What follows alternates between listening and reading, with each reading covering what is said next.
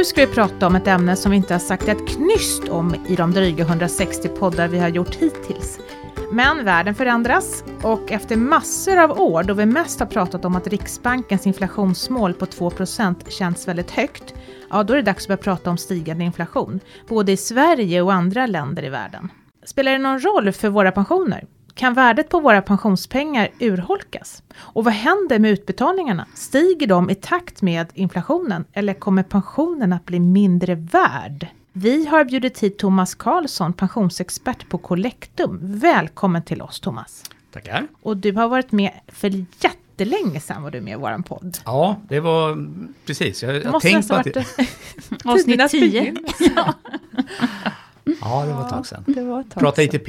Mm. Det pratar vi ITP och valcentraler tror jag. Och valcentraler, ja. Mm, för det är det som Collectum är, eller hur? Exakt. Eh, vi hanterar ju ITP-valen som tjän privata tjänstemäns eh, kollektivavtal och försäkringar. De val de gör och, den, och så fakturerar vi också arbetsgivaren för de pengar som ska sen placeras av de anställda. Mm. Vad gör du på Collectum då?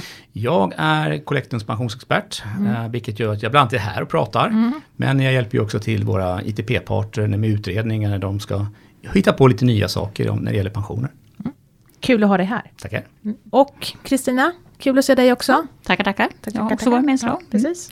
Vi vet vad inflation är, Thomas och jag. Vi var ja, med förra gången. Med. jag med faktiskt. Ja, ja. Jag med. Ja. Du ser, vi är gamla alla tre. Precis, ja det är vi faktiskt. Mm. Thomas, du har ju jobbat rätt länge nu i pensionsbranschen, vilket känns bra just nu idag när vi ska prata om det här som hände eh, för ganska länge sedan då med inflationer och så. För den yngre generationen, de har inte varit med om det här på samma sätt tänker jag. Det är lite nytt för dem. Ja, um, vi, jag tittar lite på statistik bara för kul, för att komma ihåg hur det har varit. Mm. Och jag säger, de, alla, sen 2000 så har vi i princip inte haft mycket inflation. Den har legat någonstans mellan, mellan, bortsett från enstaka år, mellan 0 och ja, till och med minus några år, upp till 2 procent. Mm. Och eh, det är någonting som Riksbanken siktar på, ha en inflation på ungefär 2 procent. Men eh, vi som har varit lite med lite längre, vi kommer ihåg eh, när det varit inflationer på 10, 12, 15 procent. Vi kommer till och med ihåg den väldigt korta i och för sig när, när eh, det var 500 procents mm. ränta då mitt, när vi skulle försvara vår krona mm. i början på 90-talet. Mm. inte var det inte länge men det var ju en ekonomisk politik vi hade då där man, kronan var fast emot, det var ingen rörlig växelkurs. Men eh, jag själv har ju suttit med bostadslån på 14 procent. Mm. Idag ja, så tycker man ju att bostadslån på 2 är högt. Mm. Eh, men en rörlig ränta, alltså 14 procent som den dunkar upp i, mm. eh, var uppe, jag tror den rörliga räntan var uppe ännu högre, början på 90-talet. Och 80-talet var likadant. 70-talet hade vi ju bensinransonering, så gammal är jag. Mm. Jag vet inte om ni kommer ihåg den. Den hann ju precis införas eh, innan den togs bort. Ja. 74, 75 någon gång tror jag. Mm. Men ska vi börja förklara då för de som inte har varit med om inflation, vad är det för någonting? Ja, inflation är ju egentligen att, att priserna stiger mm. av något skäl. Och det är ju exempelvis då att, att eh, det finns för lite varor. Och det är ju marknads, marknadskrafterna. Finns det, finns det en vara som många vill ha, ja då kostar ju den, eh, då har ju den som producerar, då ser ju den att okej okay, då kan jag sälja till högre pris och tjäna mer pengar. Eh, vi har ju också det som man pratar om Riksbanken och så vidare och regering och riksdag håller på mycket, det är ju också våra parter. Det är ju då om, om eh, löner ökar, mm. då måste ju det tas ut någonstans. Och då är det ju priset. Så det är ett, ett par sådana saker men, som påverkar. Så att, eh, och likaså det gäller ju inte bara här i Sverige, det är ju omvärlden. Om, vi, om priserna stiger i ett land liksom där vi importerar mycket, då ökar ju priserna. Och då har man, har man ju den här en korgen med varor och det är det som de mäter inflationen. Regering och riksdag vill ju ha en, eller Riksbanken och så här, vill ju ha en inflation. Man vill ju ha en inflation. Lite grann. Jag har inte mm. förstått riktigt varför, men, Nej, men, men, men, det vill man. Men, och det har ju de ett mål på 2% har Riksbanken satt. Då. Men varför vill man ha inflation egentligen? Ja, jag vad, tror för? ja, det är en bra fråga. Men är det ja. inte så att man vill undvika deflation? Ja. Deflation är ju motsatsen. Ja, deflation är motsatsen. Mm. Och då, blir, då, då är plötsligt så, så, finns det egentligen varor men ingen köper. Mm. Och det vill man Så man vill ha en viss inflation. Och, eh, par, någon procent, ett par procent har man tyckt det är bra. Det är bra för att oftast är det så det att stimulerar, vi, liksom. det stimulerar ja. eh, samhällsutvecklingen. Och mm. det är ju så ofta att har man en låg inflation så är det ändå så att den välfärden generellt ökar. Och det kan man ju titta på. Jag tittade lite grann på när jag var liten, en krona godis. Mm, Alltså, det var mycket. Det, då kom man en ganska stor Ja, påse. det Kalle det. Anka-tidningen kostar 1,50. Idag kostar Kalle Anka, jag tror jag, gick och kollade, typ 13-14 kronor om man, köper, om man prenumererar. Och det är förmodligen billigare relativt Och det, sett. precis. Hur lång tid tar det för mig att tjäna in den där kronan kontra hur lång tid tar det att tjäna in de här 13 kronorna? Och det, det är när man pratar om välfärd, vi har ökat välfärd idag jämfört med, med tidigare generationer. Att vi behöver jobba, så att säga, för att köpa den här varan så behöver vi jobba mindre tid. Och det är ju det någonstans man, man ligger på 1,5-2 procent någonstans där. Då, då fungerar det här systemet utifrån ett ekonomiskt perspektiv då så att säga. Nu då? Är vi inte på väg mot jättehög inflation? Ja, jag tittar just här, vi har ju 4,5 ungefär nu, eh, den nyaste siffran. Och eh, det kan man tycka är högt eftersom målet är 2. Och helt plötsligt har det ökat från 2 till Det blir 4. dubbelt så mycket. Ja, men då har jag kollat bakom och det har ju också, inte bara jag gjort. Eh, det är ju så att vad har hänt under hösten och vintern? Jo, elpriserna har dragit upp. Och elpriserna är en del av inf- inflationskorgen. Och jag tittade lite grann och det har SCB tagit fram siffror på. Och då visar det sig att rensar man kostnaden för el, då har ju faktiskt inflationen sjunkit från 1,9 till 1,7 om jag, hade, om jag hittar siffrorna rätt. Men nu kan man ju inte rensa helt från el. Men så att vi får ju se nu vad Riksbanken eh, agerar. För de, de, har, de är de som då har med styrräntorna. De här, är det minusränta eller plusränta på, år- på Riksbanken? Vilket i sin tur genererar vad vi betalar i bostadslån till exempel. Eller vad vi får som ränta på vårt bankkonto.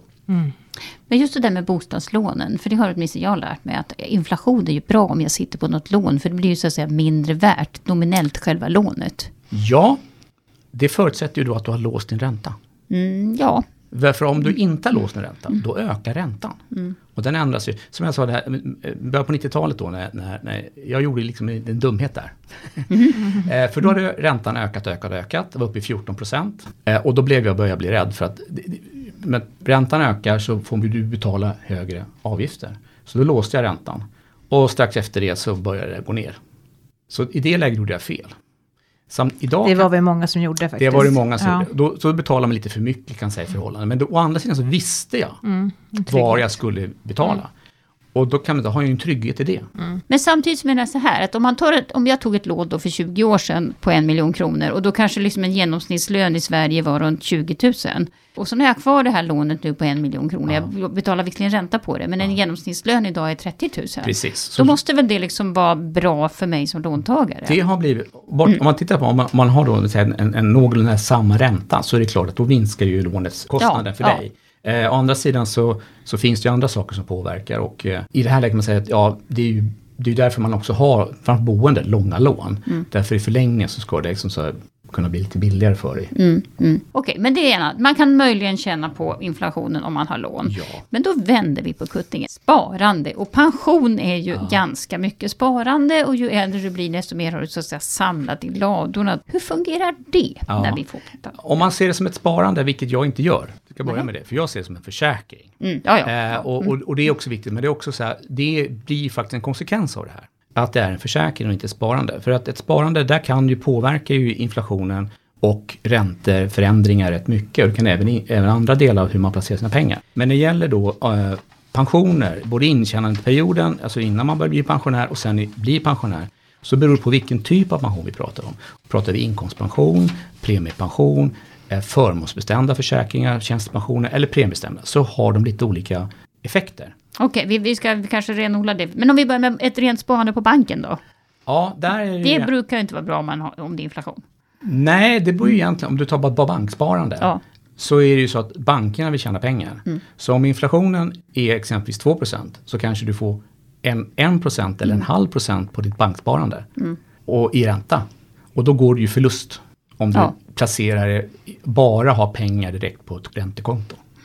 Okej, men då har vi klarat ut det. Men då går vi över till pensionerna då. Mm. Och den största delen, de flesta har ju sin största pension, framtida pension. Det är ju inkomstpensionen i den Ja. allmänna pensionen. Eh, hur funkar det? Inkomstpensionen är ju så att den är under intjänandetiden, alltså när du arbetar, då är det din inkomst som, som, som påverkar det.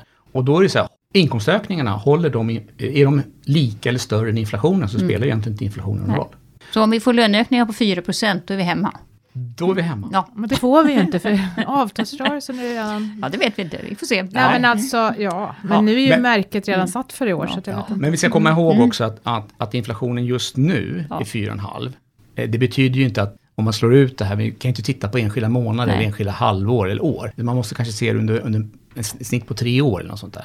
Och då ser vi då att inflationen har legat ungefär på ett snitt kanske på två, strax, ja, en och en halv procent. Medan löneökningen har varit snitt två. Mm. Vi har alltså haft Så vi reallöneökningar. har haft Vi reallöneökningar. har haft det Vi ganska bra. vi Och risken är att vi inte får reallöneökningar längre då, då men att det, över tid blir det ungefär jämnt skägg, eller? Exakt, och tanken är ju det här, igen då, inflationsmålet, det är att vi ska ha reallöneökningar. Om det går bra för Sveriges ekonomi.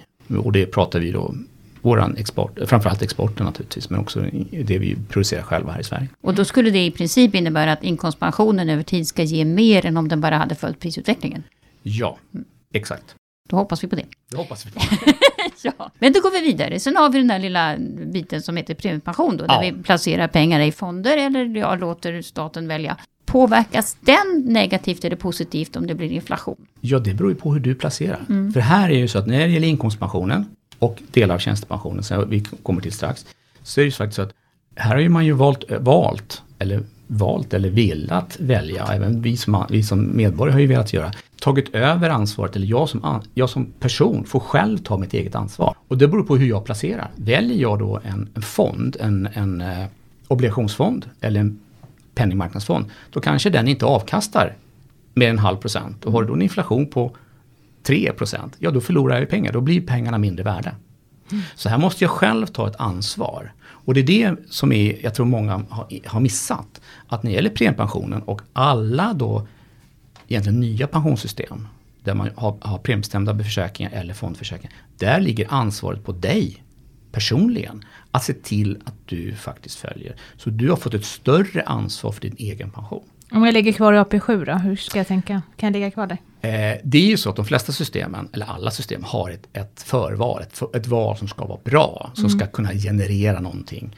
Och AP7 är ju ett sånt val och där har ju historien visat att de ligger ju i topp på avkastningen. Och de Så då kan jag vara lugn alltså? Jag skulle säga, ligger man i AP7 så är Nu muttrar vi i hörnet här. Ligger i topp är väl kanske att ta i, men Ja, okej. men de ligger bland de, de ligger, det är inte topp, de har producerat i, ö- i övre delen ändå. Så att de har ju producerat bra mycket mer än än Du ser inte riktigt nöjd ut där borta i hörnet. nu, nu är ju ppm-kramar som rycker ut här nu. Eh, ja, men jag tänkte fråga istället. Eh, inflation och aktiemarknad, hur hänger det ihop? Mår, gillar, alltså, min känsla är att aktiemarknaden inte gillar inflation jättemycket. Nej, och jag tänker vad händer om det blir en börskrasch här nu då, mitt uppe alltihopa? Ja, Men det är kanske är fråga två. Ja, man kan säga att börskrasch, alltså egentligen kan jag säga, jag, jag, jag har inte direkt, ser inte direkt alltid en koppling mellan eh, aktiemarknaden och inflationen. Utan aktiemarknaden, det är klart att det blir en indirekt koppling därför att om, om, om det går dåligt för företagen, för det är det som är aktiemarknaden, det är ju företag som producerar varor och tjänster. Och går det dåligt för dem, då sjunker ju eh, aktie, Aktiekursen. aktiekursen. Och det i sin tur genererar ju att, att värdet minskar. Och har då en inflation, och det är kanske därför det, inflationen går upp, därför att av någon anledning, och jag inte kan sälja mina varor. Kan jag sälja varorna? Ja, då är det ju inte problem. Det blir ju lite Då får jag beroende- betalt. Det får jag Ja. betalt för. Så att, det är ju en indirekt koppling, men, men aktiekursen i sig, om den sjunker generellt och inflationen går upp, då minskar ju så att säga min avkastningsmöjlighet. Då, alltså, Om jag har en premiebestämd försäkring eller PPM-pengar, då är det svårare för mig att placera i fonder, eller om man väljer att placera i aktier direkt, om man inte jobbar med pensioner, att uppnå avkastning Ja, som är högre än Ja, inflation. ja. Och, och även det här med utdelningar och sånt blir ju så att säga relativt sett mindre värda då. då. Ja, du får ju mindre om du Ja. aktier. Då, men Så lite läskigt är det med inflation för aktiemarknaden. om det blir för mycket, ja, ja. om det blir för mycket inflation så blir det problem. Men Men är, där är vi inte idag. Idag Nej. är vi inte ens i närheten av. Alltså, Mm. Det är det som man tycker att 4% är mycket. Men alltså är man lite äldre och har varit med om 14, 15. Mm. Och det, det har ju också Pensionsmyndigheten häromdagen var ju också prata om det här, Mm. Olle Zettergren. Alltså, det här är ju liksom ni behöver inte vara oroliga för Nej. era pensioner. Ja, men det, jag, jag vill bara, vi ska reda ut vad som är vad Ja, här. Nej, men sen finns det ju företag naturligtvis som tjänar på att de äntligen får höja priserna. För att de liksom inte har kunnat göra det. Och som, så att det finns naturligtvis både och. Ja, men det vill ju till då att man har råd att handla, tänker jag. Om inte lönerna nu går upp i samma takt som inflation. Och då får man tänka på så här att är det ett enskilt år? Ja. Spelar det någon roll? Nej, kanske inte att det är en Eh, skillnad. och det är det som, vissa år så är det ju så, det är ju så, sen, sen pratar vi generella siffror. Jag personligen kanske inte har fått en löneökning på ett år eller två eller tre, till och med tre år kanske inte jag har fått en löneökning av något skäl. Eh, och då har jag ju faktiskt kanske fått mindre att röra mig med. Så allt, även om man säger, vi, vi pratar mycket generellt, och det måste man göra en så här, ja, vi har en inflation som är x procent, 4,5 procent just nu. Vi har en, en, en löneökning, all, all, snittet är att alla får 2,5 procent. Jo men alla får inte 2,5 procent. Utan det är ju så att vissa får kanske ingenting, vissa får 1 procents löneökning, vissa får 4 procents löneökning, vissa får, får kanske 10 procents löneökning. Så det får man inte glömma bort att när vi kommer till individen Ja, så kan det påverka mer eller mindre. Det är dyrare att bo i, och ha dyra omkostnader för att du måste dels elda hemma med det stora huset och så en dyr bil som slukar ja. diesel. så är det ju. Ja, där ser vi ju effekterna. Alltså, här har vi sett då, och det är en del av inflationen. Inflationen har dragit upp och det beror på elpriserna. Och vad har hänt? Det har gått så pass mycket att staten faktiskt nu har tagit beslut om att i alla fall vissa ska kunna få bidrag till elkostnaderna. Just för att vi har, har den uppvärmningen. Det var ju tyvärr så på 80-90-talet eller 70-80-talet, då skulle man ju bygga med direktverkande el. Det fanns kommuner, har jag läst, som krävde då vill man bygg, få bort oljan. Ja, krävde mm. att man skulle ha direktverkande el i hus. Och det är ju jättedyrt att ha ett direkt, hus med, som kör direktverkande el. För då blir det dyrt när, när elpriserna går upp. Men jag tänkte byta fokus nu. Räntorna då. Mm. Eh, om vi nu tänker så här att inflation kan ju då, så att säga, eller det är väl båda, båda drar, så att säga, men vi kan tänka oss också att, att vi får något höjda räntor i framtiden. Ja, det brukar hänga ihop. Ja. Ökad inflation brukar, eh, då brukar räntorna höjas. Ja. Eh, och då är min fråga, om vi går till sparandet igen, och som du sa, man ska inte ha, alltså man ska titta på sitt ränte, sina räntefonder kanske. Och då har ju jag lärt mig i alla fall att de här långa fonderna, det är de, alltså obligationsfonder, de riskerar alltså att tappa i värde när räntan stiger. Ja, för du har ju ett fixt pris oftast. Och då har du en lång ränta där du har liksom en, en, en garanterad obligation där du säger att ja, här är en, en, en avkastning som är då, den är fixt så att säga på 1%. Då har man då en, en, inflation på, på, på 3, ja då blir det en förlust för den. Och då gäller det att försöka byta ut den eller minska sitt innehav i det. Samtidigt kan man säga att beroende på hur lång, hur lång den här obligationen är då, obligationsfonden då, eller obligationen man placerat i, så kan man ju säga att det är ju här och nu. Mm. Och där är ju skillnaden med fonder kontra direkt. Och pratar vi fonder så kan man gå ut och in när som helst. Eh, så det är klart att då kan man ju vara så att det kan vara värt och, och har man då obligationsfonder med, med, som inte har så hög avkastning, men då får man byta. Igen är vi tillbaks till de som idag är aktiva i, i yrkesverksamma, de måste ta ett större ansvar själva för att se över sina eh, pensioner. Och då är ju min pension jättebra att gå in på. För där får du en, är ju en, en uppdatering på hur det ser ut hos dig. Och idag är de som alla tjänstepensioner mm. du har. Och det är ju jättebra att få en uppdatering så att du också kan se, är det någonting jag ser att jag behöver förändra. Då kan jag sen gå in i varje så enskild eh, placering och välja en, en annan. Mm. Jo, vi brukar ju tjata om att du ska lära känna din egen pension. Du ska veta vad, du, vad just du har. Men då tänkte jag osökt gå vidare till då, alltså nästa steg på skalan. Nu har vi klarat av inkomstpensionen och premiepensionen. Ja. Nu går vi vidare till tjänstepensionen. Ja. Eh, och där är ju förvalen väldigt ofta då eh, traditionella försäkringar av ja. olika slag. Eh, och traditionella försäkringar brukar ju ha en del räntor och kanske till och med mm. obligationer. Mm.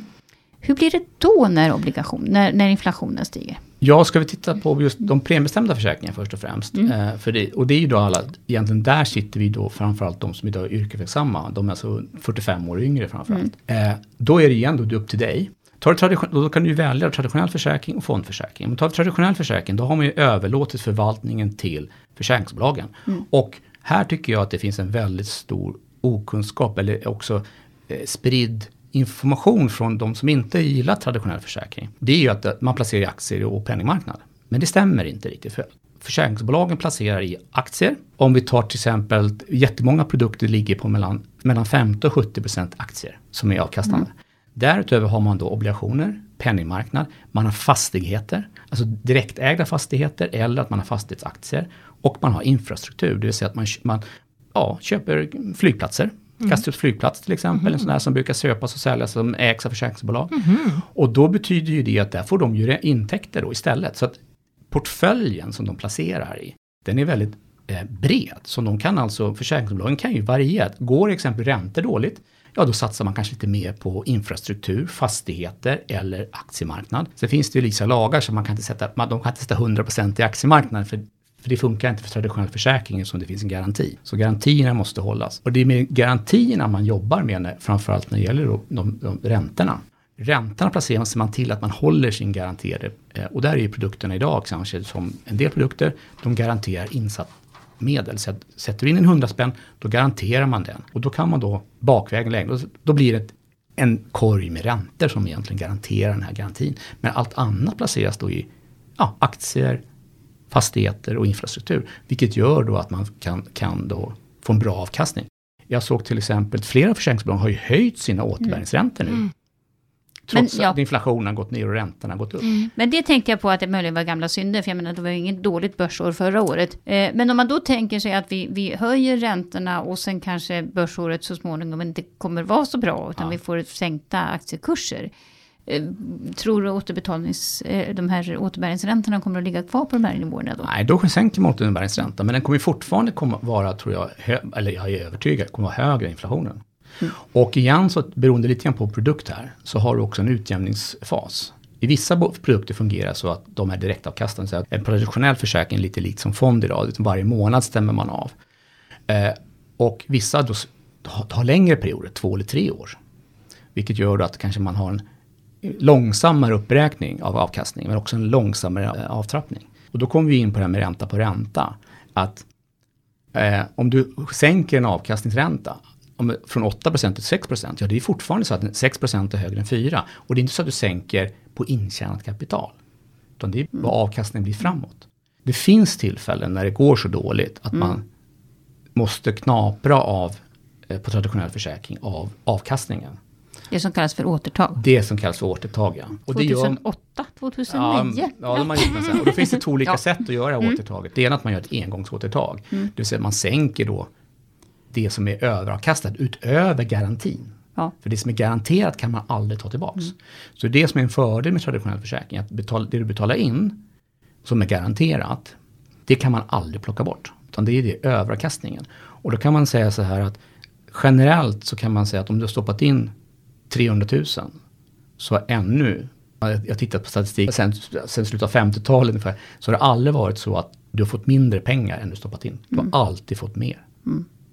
Men, men, men, om vi nu liksom ska måla fan på väggen ja. eh, och vi går tillbaka då till finanskrisen 2008-2009. Ja. Eh, då var det ju faktiskt så att det förekom återtag, det vill säga ja. att både de som fick ut sina pensioner, alltså tjänstepensioner och även de som så att säga hade sparade, eh, fick se en minskning. Man fick se en minskning, mm. det får man göra. Och det kan, och det kan hända. Och då kan det säga att de, är man så att säga, innan pensionen så spelar det inte så stor roll, för det kan man känna igen. Men mm. är du pensionär och kapitalet minskar, då kan det ju bli så att, eh, och då, då, har vi ju även på inkomstpension och PPM, där vi har så att säga mm. den här bromsen, mm. att man då minskar utbetalningen. Mm. Men faktum är ändå att om du tittar på vad du betalat in, och din intjänade rätt, så får du ändå mer pengar än vad du betalat in. Mm. Och, men när vi sitter här och nu, så klart det får en, en direkt påverkan om jag har en pension på 3000 kronor och så minskar den till 2800. Det är klart att det påverkar mig. Mm. Eh, och då på ett ganska radikalt sätt. Eh, men å andra sidan, det är, det är oftast enstaka år. Så slår man ut det här över tid så eh, ligger vi över inflation. Eh, och man behöver inte vara så orolig så att säga, generellt. Sen kan det ju för mig som individ så kan det ju påverka just det här att man kanske ligger redan lite halvtaskigt till. Man ska känna till det. Det är väl bra att det kan hända. Ja. Och det är klart, har man då dessutom en fondförsäkring i en annan traditionell, i en annan tjänstepension som då går back samtidigt. Det är klart att ja. då kan det väl bli lite jobbigt. Och det är därför man också pratar, har du mm. fondförsäkringen så ska mm. du ju placera om dem ju närmare pension du kommer. Om du tycker att du behöver det. Nu kommer premiepensions... Ja, ja. ja, alltså jag tycker väl så här. Ja, att, att, man får säger, fundera men, på sin ekonomi. Ja, exakt. Mm. Men man, man, ska inte, man ska inte göra så att man placerar alla det, det ska komma till det. Du ska inte ta all, om du har aktier till 100%, vilket de flesta har, åtminstone mm. fram till 55-60 mm. år, vilket jag tycker är helt okej. Okay. Och sen börja placera om, så ska du ju inte placera om allting där och då till när du blir pensionär så ska du inte 100% penningmarknad. Du ska mm. ha aktier också. För aktier, ska, du ska ju leva i minst 25 år. Det ska vi komma ihåg att snitt, när, du, när du blir 65 år så har du en snittålder mm. att leva, antal år att leva i 20, ungefär 25 år. Så då behöver du ju avkasta under den mm. tiden också. Men du behöver inte ha 100% aktier. Nej. Men du vi, kanske ska ha 40% aktier. Vi brukar ju säga att man kan ju ta faktiskt tempen på sin egen pension. Man kan ju se hur mycket, stor del av pensionen som är så att säga riskutsatt. Låt ja. säga att det är 4 000 spänn i månaden. Ja. Och då får du räkna med, okej okay, blir det ett börsfall på 30% ja då ryker ungefär en tusenlapp. Exakt. Tål jag det eller tål jag inte det? Exakt. Då får så man tänka. Ja.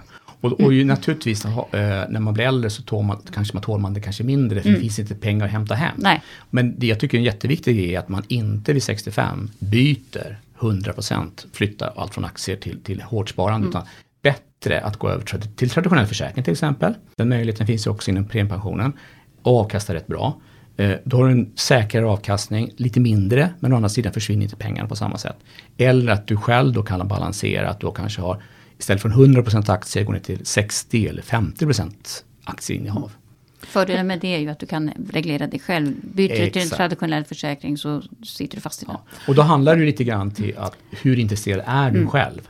Är du intresserad, ja då är det klart du ska ligga kvar i fonder. Är du inte intresserad, då tycker jag lämna över det här för att du, är du inte intresserad då går du inte in tillräckligt ofta för att det är minska det här. Hur tar jag reda på hur, hur min pension ser ut, hur känslig den är? Kan man se det någonstans? Hur gör jag då? Eh, då blir det ju lite olika. Ja, min pension har ju själva Men ser- totalbeloppet. ja, men men sen måste du in hos varje förvaltare. Säg att jag har en tjänstepension och då kanske jag har tre försäkringar som är premiebestämda. Ja, då har jag då tre olika förvaltare. Då måste jag gå in med internetkontoret. Men det är ju det att behåller jag den här eh, och, och har en fondförsäkring framför allt. Eh, traditionell försäkring sköter sig själv. Där kan du inte påverka på samma sätt. Eh, då måste jag själv in, kanske en eller två eller tre gånger per år. Och då finns det ju olika sätt. Eh, när du är aktiv, under aktiv tid, så kan du ju, där finns det ju olika som kan hjälpa dig att placera. Men det kostar ju pengar ibland, ibland inte. Inom, inom ITP som jag jobbar så har vi ju avtalats rådgivningstjänst som är digital. Det finns andra digitala tjänster. Eh, försäkringsbolagen har en del eh, tjänster. Eller också får man ta hjälp av en, av en eh, försäkringskonsult eller en försäkringsmäklare. Och då kan det kosta några kronor. Om du vill ha hjälp. Men annars är du själv som måste gå in. Du går in och tittar. Och sen kan jag se, jag så bara såg nu själv. Eh, bankerna, jag har själv testar på min bank. På de, mina gamla tjänstepensioner som jag har. eh, Jag jobbade på den banken en gång i tiden. så jag har tjänstepensioner. Så där har de då, ge mig nu råd. Placerat på ett antal frågor. Ungefär som jag har en rådgivare. Så får jag då placeringsförslag. Säga att du har svarat på de här frågorna. Du har den här placeringen. Vi, nu har det hänt saker så vi tycker att du ska placera om dina fonder.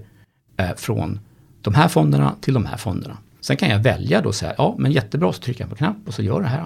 Så gör de det. Eller också kan jag säga, nej tack, jag vill inte göra det. Och så kanske jag kan ändra mina frågor också. Men det är väl Så- inte så att de rekommenderar någon annan banks fonder? Nej. Nej, Nej, nej, nej. är det. det, det gör de inte. För nu har ju, det är ju, de rekom, det är ju baserat väldigt på, bra Det är ju baserat, Och sen kan du, du kan ju ta rygg på deras råd och sen kan du välja vilken fond du vill också. Exakt.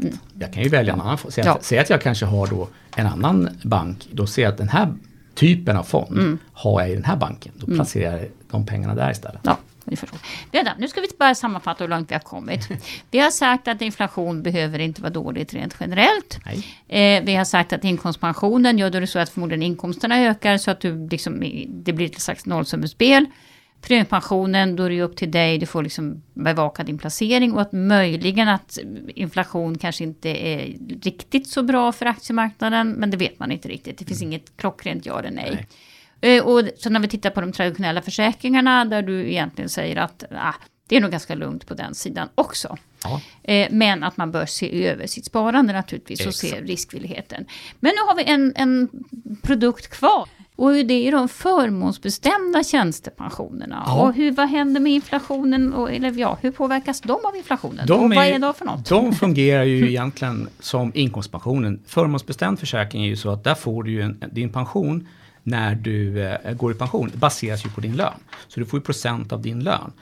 Vad som händer med aktier och inflation, och, det spelar ingen roll, utan allt baseras på din lön. Ja. Sen är det klart att om din lön minskar från inflationen, till exempel som jag var inne på att du inte får löneökningar, ja då minskar ju, då får du inte pension. Men å andra sidan, här och nu när du jobbar så är inte det så intressant. Utan det är när du blir 65 eller när du, nu när du väl väljer att ta ut din pension. Så det ska förhoppningsvis hänga med. Det ska Det inte ha så med. jättestor betydelse. Mm. Under y- yrkestiden så hänger det med, skulle jag säga. Ja, vad händer då efter? Ja, det är samma där som inkomstpensionen. Då är det så att värdet på din, din pensionsförmån, rättare sagt, den räknas upp med en index. Och i princip alla index som finns, för det också kräver att försäkringsbolaget då kan förvalta pengarna, men alla index är baserade på i stort sett konsumentprisindex som är då inflation. Eller Ja, nu pratar vi om uttag av pension. Uttag av alltså. pension, Ja, ja, när jag blir pensionär. När du blir pensionär. Ja. Då, så att din, din pension kan säga värdesäkras mot inflationen. Det är förmånsbestämda och Ja, eh, i in- viss mån... Ja, Ja, lite grann inkomstpensionen också egentligen. Ja, inkomstpensionen är ju spännande för att eh, det har vi varit inne på tidigare. Den Mm. beräknas ju enligt ett inkomstindex och där beror det ju på så att säga vad vi, vi löntagare drar in. Ja. Där har det ju sjunkit ja. över tid och det är klart det kan också vara så men varför över tid sjönk att det har varit bättre. Ja. Men varför sjönk prisindex. den? Det är den här bromsen man pratar Ja. om. Den funktionen finns även i en traditionell försäkring. Det är ju att man har det här man får förskott. Ja. Man får en prognosränta. Eller man, man får ju faktiskt, i, i, i, inkomstpensionen är det 1,6 procent. Jag får ju 1,6 procent mer än vad jag skulle fått egentligen. För då har man ju förutsatt att eh, inkomsterna ökar mer än inflation handlar det egentligen om. Och gör den inte det, ja då blir den här bromsen då. Och det är så med eh, alla försäkringar som har det, inte alla fondförsäkringar har det, inte så ofta men traditionell försäkring. Då har man då en prognosränta heter det där.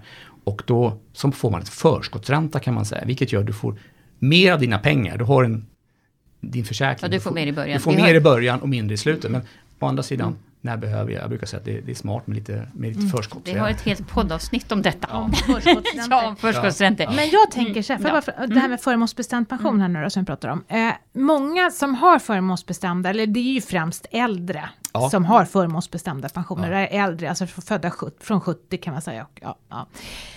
Men om man då är på väg att gå i pension och har förmånsbestämd pension, hur kommer det påverkas av inflationen nu då? då? Igen, jag ska säga, ingen, ingen alls. Ingenting, Nej, nej. därför att igen så handlar det om att det, det, ja, det beror på din lön. Du ska nog se till att du får lite lönelyft skulle jag säga. Ja, fast det är ju inte heller så lätt när man är Nej. 65. Nej. Nej, Och, och man säger så här, där är ju just det, är en annan problematik att vi, vi som är äldre, det kan jag ju säga åtminstone jag, jag har ju fyllt 60, har ju svårare att få, arbetsgivaren vill ju inte riktigt, nu ska jag vara lite elak mot, mot svenska arbetsgivare trots att en av mina, de äg, en av mina Ja, ägare är passar det nu? Eh, det är ju så att eh, ja, men organisationen Svenskt Näringsliv är, är ju för det här men tyvärr många individuella arbetsgivare de är ju dåliga på att rekrytera och premiera äldre Mm, arbetskraft. och det finns Och ålderism, det, det absolut. Mm. är ett problem för oss och det är ju speciellt som vi vet att vi behöver jobba längre. Eh, men där är det ju så att, att normalt är det ju så att vi får ju även vi som är äldre kanske så att vi håller åtminstone om man tittar de sista, alltså man får ungefär Jämnt hög inflation. jämnt flägg. Så att ja. du får ingen, du får inte som de yngre kanske mer pengar i förhållande till inflationen. Så att du, du, får, ingen, du får ingen lönekarriär. Nej. Så att, men du håller åtminstone inflationen stången oftast. Ja, och då det- borde det inte vara någon fara med förmånsbestämda om du nej, går i pension. Nej, då. tvärtom. Så att säga, Det det, det, är en man- ganska säker, jag ska säga det är en, det är en om du är o- pensionsorolig så är förmånsbestämda den mest, för då behöver du inte vara orolig. För att det finns, den, den tar hand om dig. Mm. Sen, sen kan det kanske inte vara så att den ger, skulle ge mest för alla, men å andra sidan då, det kräver Den är ju att- trygg. Mm. Den är trygg och du kräver att du är aktiv för att få en bra pension om du Men- ska välja själv. Ett tips kanske ändå kan vara det att, att eh, man kan prata med sin arbetsgivare och säga att jag menar, nu ska jag faktiskt gå i pension. Det är ju synd om du liksom snor den här inflationsbiten av mig. Då kan du väl liksom plussa på där då. Ja, precis. Ja, men det, det är en löneförhandlingsdel. Det tycker jag är ett Ja. bra argument. Eh, sen ska man komma ihåg att de flesta förmånsbestämda system, de har också en premiebestämd topp. Ja, just det. Och vi ska komma, Mm. jag ska säga, eh, mycket i, på ITP-sidan har ITPK och det är ju det som egentligen, det är ju faktiskt som jag ska vara lite elak mot eh, våra politiker, det var där de, därifrån de snodde PPM. Det var ITPK som fanns. Det är ju egentligen en kopia och den var ju faktiskt från början 2%, tänkt som 2%.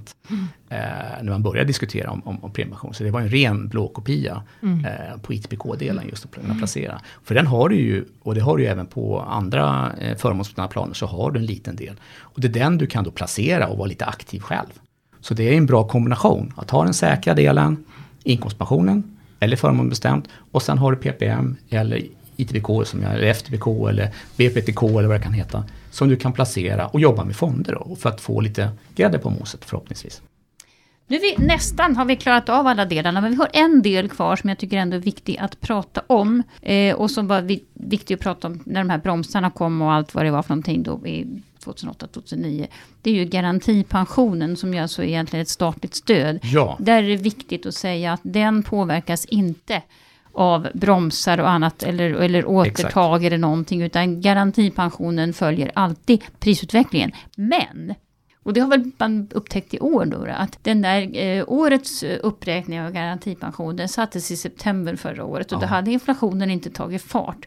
Så att höjningen på garantipension var bara 1,5 procent och eftersom vi nu har en inflation på 4 så tror jag det känns för en och annan garantipensionär att det har blivit lite lite pengar. Ja. Men det kommer att repareras nästa år. Exakt, och det, det är ju här vi också ska tänka på att när det gäller alla de här indexarna vi får och har, så sätts de vid en tidpunkt på året.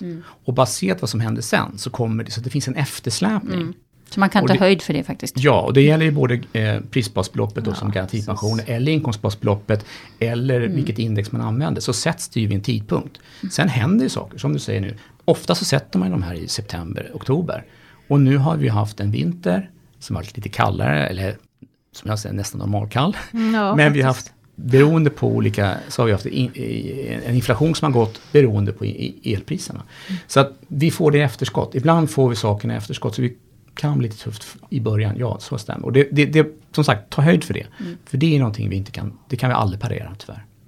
Är inte diesel och bensinpriserna också en liten bov här? Dieselpriserna är definitivt en bov. Jag noterade här, jag såg i tidningen att de hade på ett år ökat, dieselpriset hade ökat på ett år om jag kommer rätt, sex spänn. Ja, det är otroligt. Hur Det är många liksom procent bara- är det? Det vill vi inte Ja, ens det, räkna ja, på. det var... Och å andra sidan, när coronan kom så sjönk det rätt Ja, det gjorde ju det. Men för ett år sedan var det nog uppe faktiskt. Sen, sen är det ju viss skillnad när det gäller dieselpris eller eh, drivmedel på bilar och sånt där. Där kan vi ju faktiskt styra en del själv. Jag kan ju välja att inte kanske ta bilen eh, lika mycket, åka kommunalt Nej, istället. Eller. Mm. eller faktiskt, ja men jag, den här resan som jag gör, den tar jag med tåg, alternativt så gör jag den inte. Men värma upp min bostad.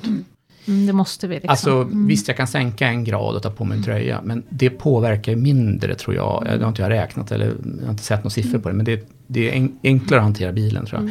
Utan, men det är som du säger, diesel och ben, ben, bensinpriserna har ju ökat det här året också som sagt.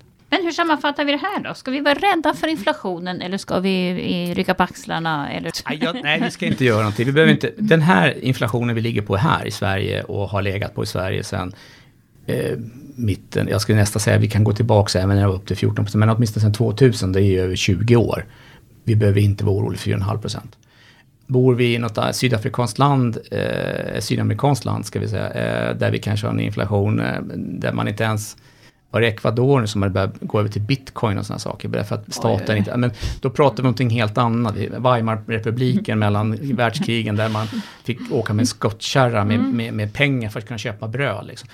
Då hade vi en total systemkollaps. Eh, och, och det, Där är vi inte än. där är vi långt ifrån. Och vi kommer nog aldrig komma där skulle jag säga. Men, så, Då gör vi en ny podd. Då gör vi en ny podd. Ja, Då har- jag, natten. jag tror jag har gått i pension då. Ja. Jag tror också, jag har inte bara gått i pension. Om jag lever så är ja, jag ska bli över 100. Så att Du har förmånsbestämd pension sa vi då. jag har förmånsbestämd pension. Men å andra sidan, det hjälper inte. Nej, det gör det kanske inte. inte hjälper om, Nej. om, om när vi får den här hyperinflationen. Som det Nej, kallas. nej, nej, nej. Men, men alltså med 4,5 procent som vi har just nu, då, som är då ökat som du sa från, från september ganska mycket. Behöver vi vara oroliga för våra pensioner? Nej, inte i dagsläget. Vi sover gott om nätterna. Vad Det härligt. kan vi göra. Ja, gud vad härligt. Tack så jättemycket för att du kom hit idag Thomas. Det här har varit jätteintressant. Och vi, både du och jag är klokare tror jag Kristina. Absolut. Ja, Ja. det här har vi funderat på. Lugnare också. Lugnare Ja, och tryggare. Jag hoppas att ni blir lugna, för det tycker jag är roligt. Det skönaste. Ja. Pension, man ska vara lugn. Det är inte, man har svårt att göra fel. Om vi håller oss inom de här tjänstepensionerna och, och eh, vad heter det, inkomstpensioner. För där finns det trygga alternativ hela tiden. Ja, det är tryggt och bra.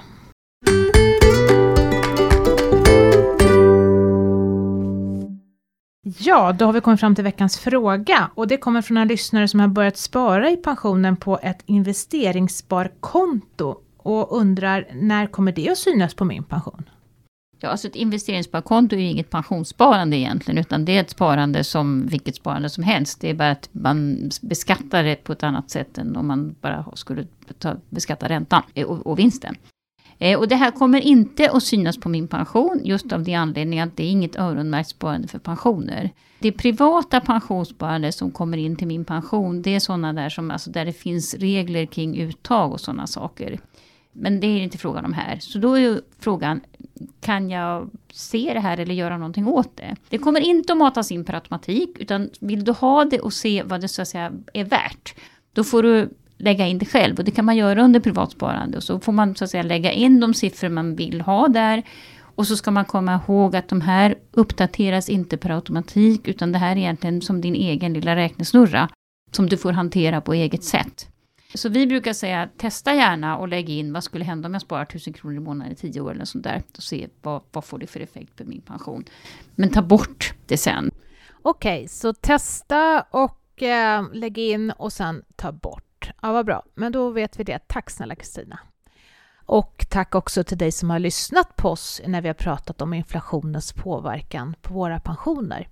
I avsnittet deltog Thomas Karlsson från Collectum, Kristina Kamp och så jag, Maria Eklund från Min Pension. Och Min Pensionspodden produceras av Min Pension som är en oberoende tjänst i samarbete mellan staten och pensionsbolagen som ger dig bättre koll på dina pensioner. Nya avsnitt släpper vi varannan fredag. Tidigare avsnitt hittar du i kanaler där poddar finns. Och kom ihåg att följa podden så missar du inte när vi släpper nya avsnitt. Och har du inte lyssnat på fler avsnitt än det här, då tycker jag faktiskt att du ska göra det. För det är så många spännande och intressanta samtal och kloka gäster som deltar. Och även om du tycker att avsnittet låter tråkigt när du läser rubriken så lovar jag att det faktiskt är ganska spännande när du väl börjar lyssna. För det är faktiskt kul att lära sig lite mer om pensioner. Och vi kanske också ska säga att vår ambition med podden det är att göra pensioner intressanta och enkla för alla. Och därför så får du gärna mejla frågor som du har till poddatminpension.se så försöker vi besvara dem i kommande avsnitt. Nu hoppas vi såklart att vi hörs igen snart. Så ta hand om dig och din pension till dess. Ha det bra, hej!